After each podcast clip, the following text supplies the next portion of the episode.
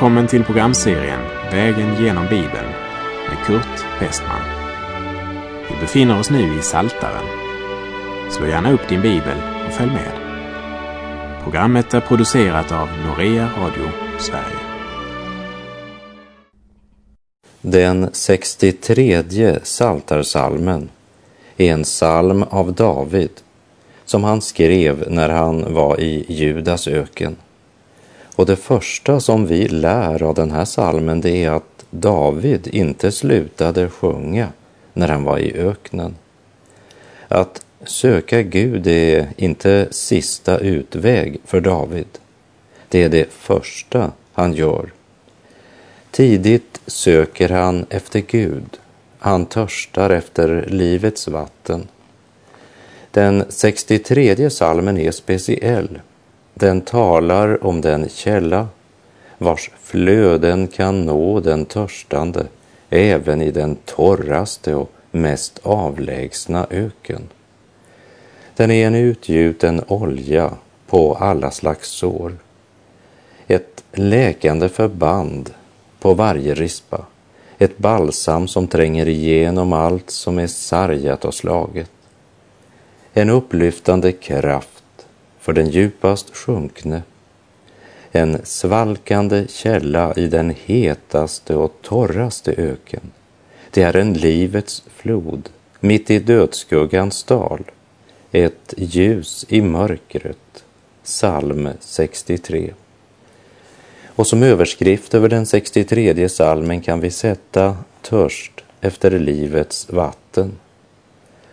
Och traditionen säger att i urkyrkan så sjöng man den här salmen varje morgon och vid varje offentlig samling. En psalm av David när han var i Judas öken. Från den förra salmen, psalm 62, så ljuder ännu i våra öron två saker som Herren förkunnade mycket klart genom psalm 62. För det första hos Gud är makten.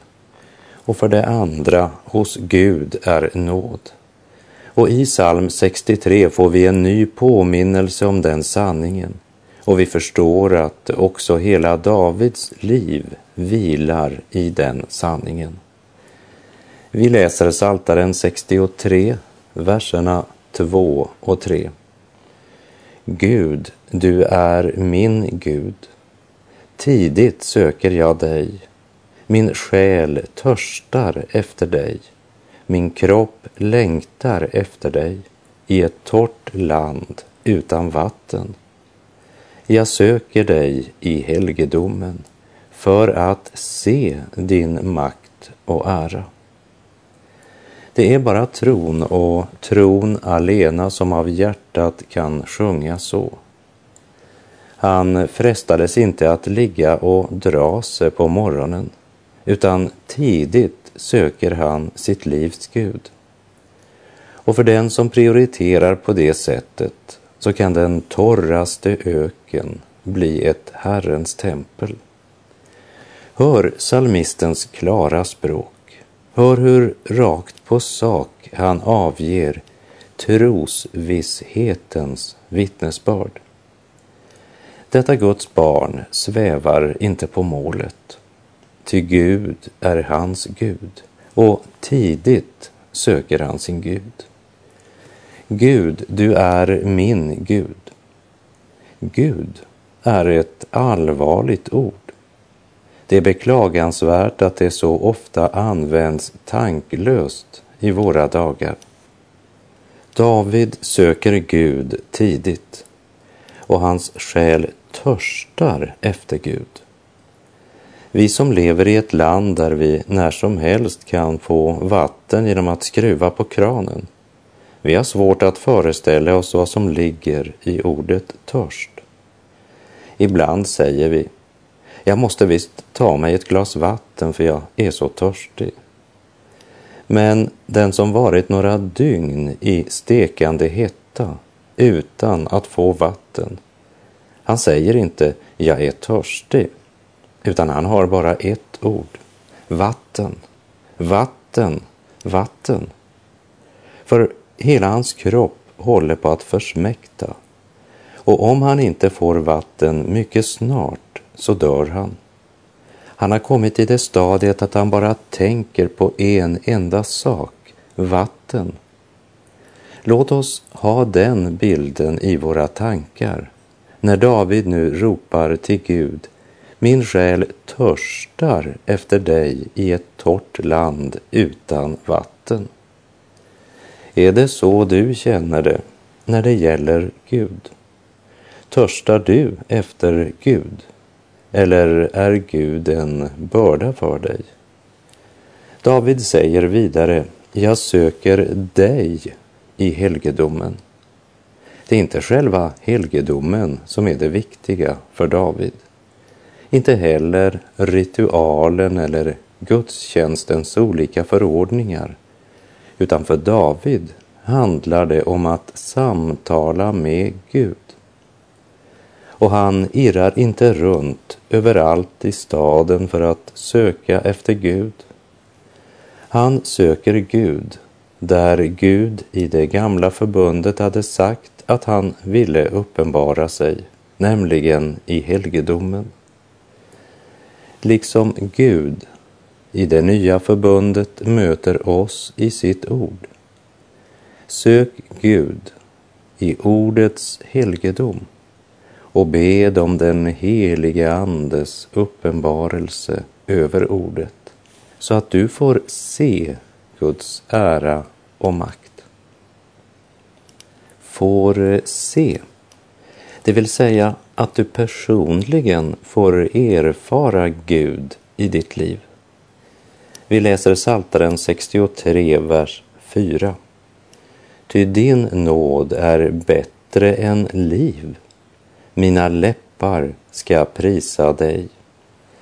För många så är livet mycket, mycket dyrbart. Andra åter har blivit livströtta och känner sig inte orka mer. Men oberoende av hur livet är så finns det något som är långt större, rikare, härligare och framförallt långt viktigare än livet. Och det är att genom tron vara förenad med Gud. David hade smakat hovlivets lyx i kungapalatset. Han hade sett helgedomens härlighet men allt det här, det bleknade jämfört med detta att personligen få leva i Guds nåd. Och vi läser vers 5. Jag ska lova dig så länge jag lever. I ditt namn ska jag lyfta mina händer. Bibeln talar ofta om att de heliga lyfter sina händer i bön och tillbedjan eller den tomma handen sträcker sig mot Gud för att motta allt från honom.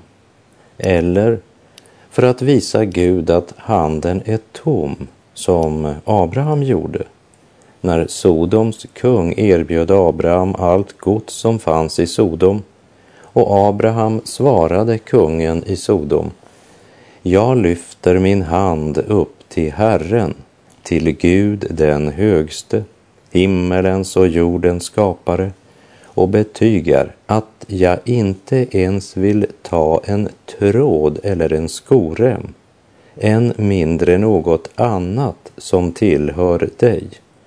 Du ska inte kunna säga jag har gjort Abraham rik. Du kan säga att Abraham stänger sin hand för gåvorna från Sodoms kung och så lyfter han sina händer mot himlen som liksom för att visa Gud att handen är tom.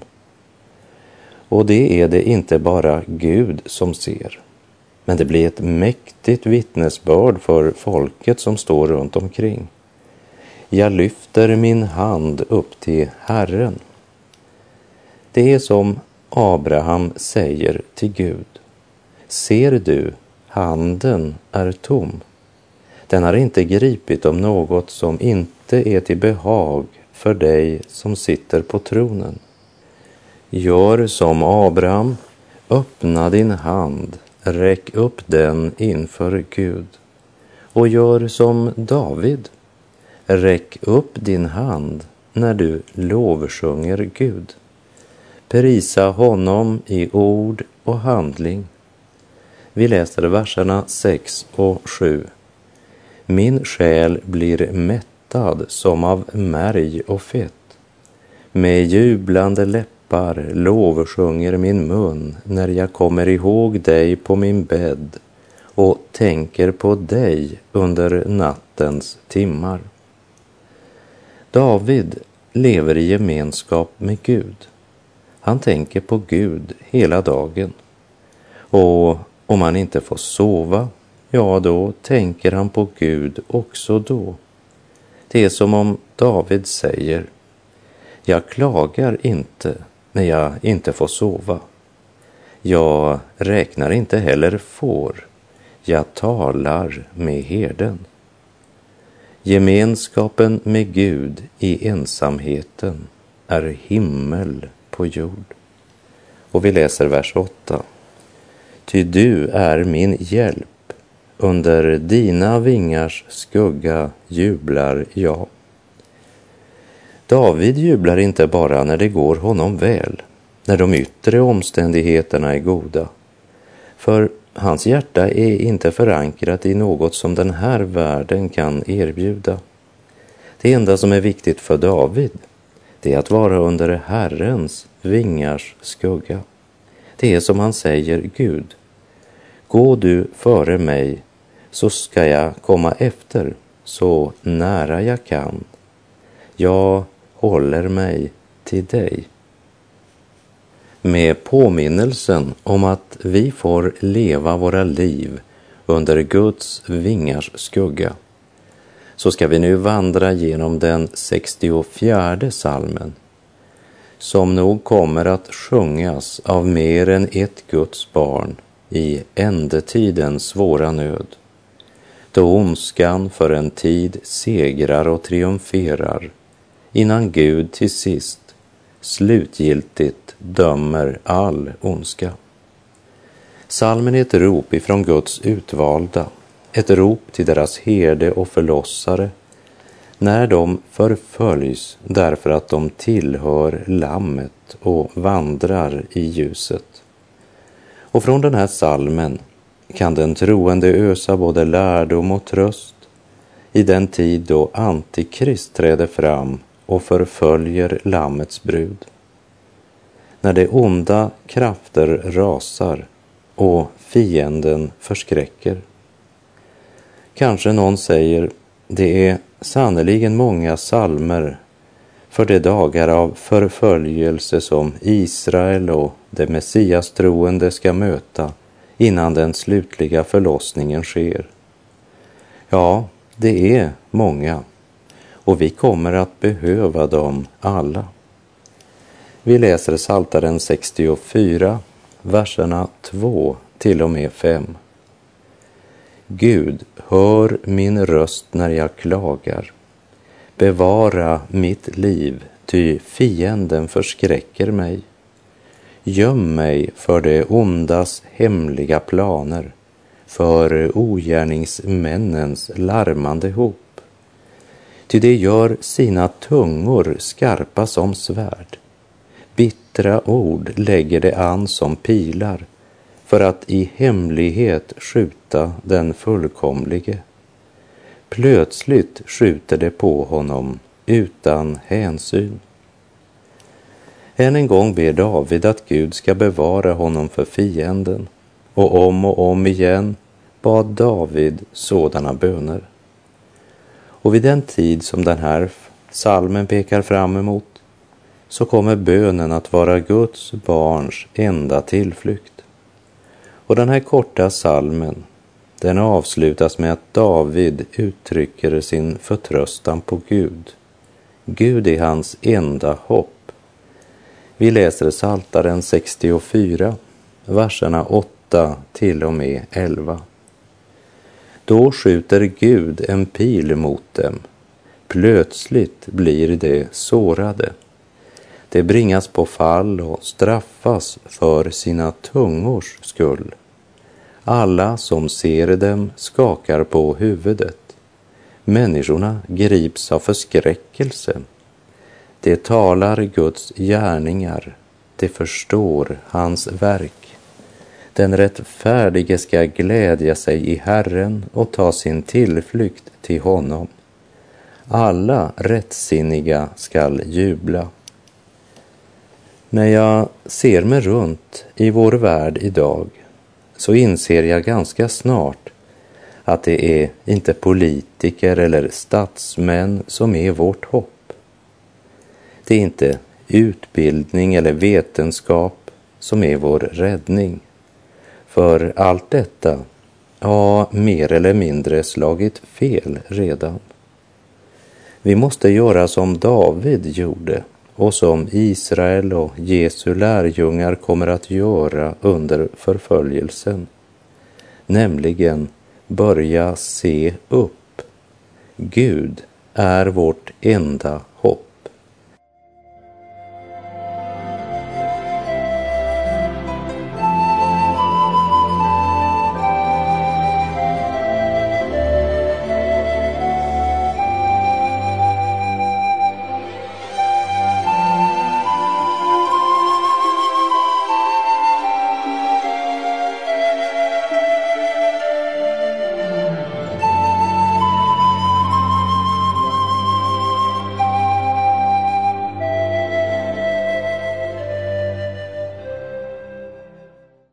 Den 65 salmen är ett lyriskt poem som antingen kan sjungas eller citeras, läsas som en dikt. Hebreiskan kallar den för en sjur och mismor, en förening av psalm och av sång eller dikt. Vi har haft två sådana psalmer tidigare. Det är psalm 30 och psalm 48 och den 65 salmen är den första i en serie på fyra med den överskriften. Psalm 63 slutade med att påminna oss om att vi får vara under Guds vingars skugga. Psalm 64 var Guds barns nödrop under förföljelse och prövningar. Och psalm 65 är en triumfens sång för dem som under den tid ondskan rasade förblev under Guds vingars skugga. Vi läser Saltaren 65, vers 2. Gud, dig lovar man i stillhet i Sion. Till dig får man infria löften. Här talas om det Sion som är en geografisk plats på jorden. Det är Sions stad. David talar här om Jerusalem. Vi läser Psaltaren 65, verserna 4 till och med 9. Mina missgärningar är mig övermäktiga, men du förlåter våra överträdelser. Säll är den som du utväljer och låter komma till dig så att han får bo i dina gårdar. Låt oss få mätta oss med det goda i ditt hus, med det heliga i ditt tempel. Med underbara gärningar bönhör du oss i rättfärdighet, du vår frälsningsgud. Du som är en tillflykt för alla jordens ändar och för havet i fjärran.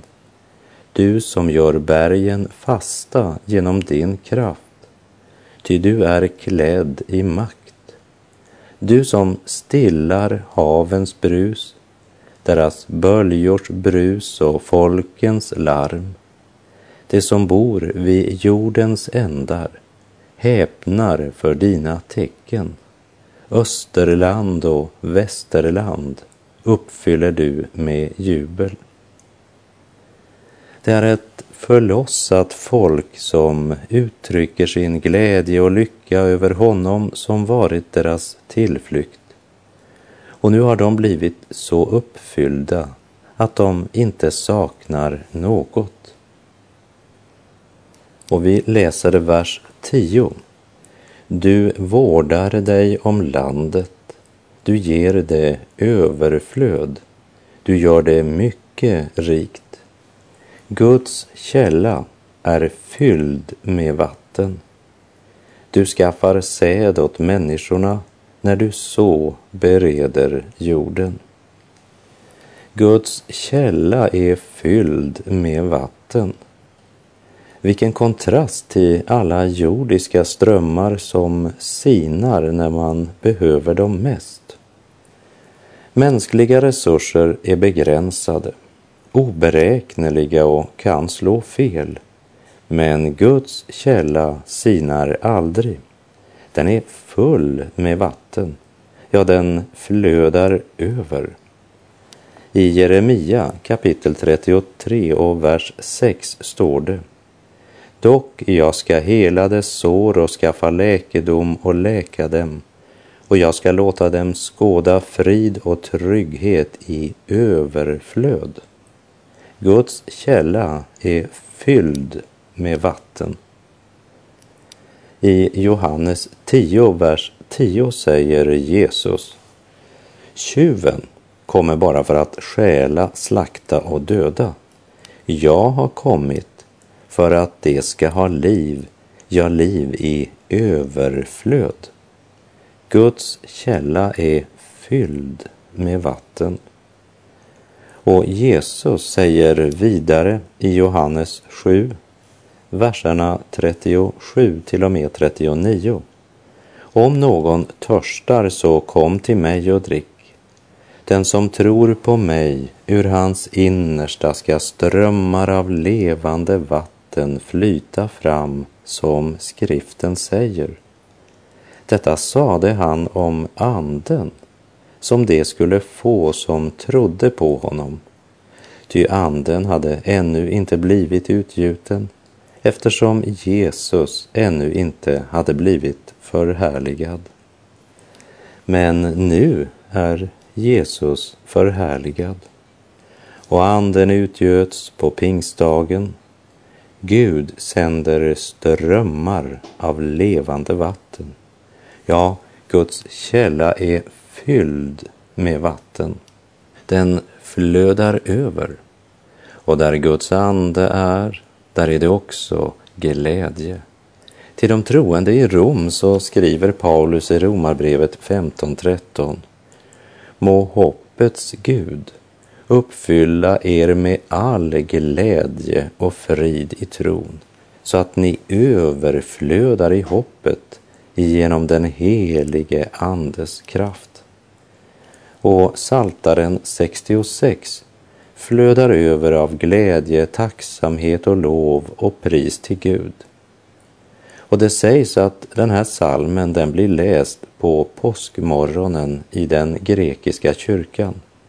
Och de kallar psalm 66 för en uppståndelsesalm. Vi läser Saltaren 66, verserna 1 till och med 4.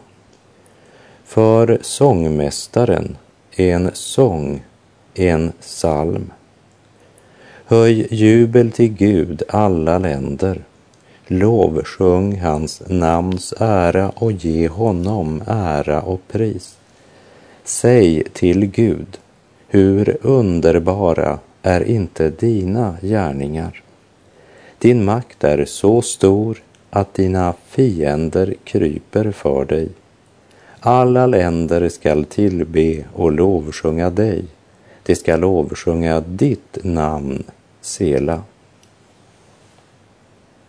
Salmisten uppmanar Guds folk att prisa Gud på ett värdigt sätt så att det verkligen blir till ära för Gud.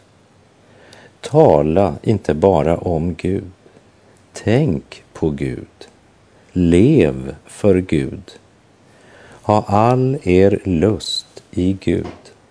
Ge honom ära och pris genom era tankar, ord och gärningar. Lovsjung hans namns ära. Och vi läser Saltaren 66, vers 5 Kom och se vad Gud har gjort. underbara är hans gärningar mot människors barn. När eh, Filippus berättade för Natanael att han hade funnit den i skrifterna utlovade Messias, Jesus, Josefs son ifrån Nasaret, då frågade Natanael, kan något gott komma från Nasaret? Kom och se, svarade Filippus. Det vill säga, ta det tid. Undersök saken. Gör en personlig erfarenhet. Detsamma säger salmisten. Kom och se. Inte kom och se vår organisation. Inte kom och se våra förträffliga lokaler. Inte kom och se alla våra olika aktiviteter. Men kom och se vad Gud har gjort. Och hans ord blir en indirekt förebråelse mot den nästan allmänna tanklöshet som gör att Guds barn ofta glömmer och försummar att prisa, tacka och lovsjunga Gud. Vi läser verserna 8 till och med 12. Välsigna ni folk vår Gud och låt hans lov ljuda högt. Ty han har gett vår själ liv och inte låtit vår fot vackla. Ty väl prövade du oss, Gud. Du luttrade oss som silver luttras. Du förde oss in i fängelse du lade en tung börda på vår rygg. Du lät människor fara fram över vårt huvud. Vi gick genom eld och vatten, men du har fört oss ut och gett oss överflöd. Gud ger oss inte bara liv, men eh, han kostar på oss fostran. Han prövar och luttrar oss. Han lade en tung börda på vår rygg han lät våra egna synder tynga oss. Han öppnade våra ögon så att vi insåg att eh, bördan inte bara var tung, men för tung för oss. Och därefter övertog han vår börda. I Matteus evangeliets elfte kapitel, verserna 28 till och med 30 så säger Jesus Kom till mig alla ni som arbetar och bär på tunga bördor, så ska jag ge er vila. Ta på er mitt ok och lär av mig, ty jag är mild och ödmjuk i hjärtat. Då ska ni finna ro för era själar, ty mitt ok är milt och min börda är lätt. Vi gick genom eld och vatten men du har fört oss ut och gett oss överflöd. Och med det så är vår tid ute för den här gången och jag säger bara på återhörande om du vill. Herren vare med dig. Låt honom överta din tunga börda. Då ska du finna ro för din själ. Gud är god.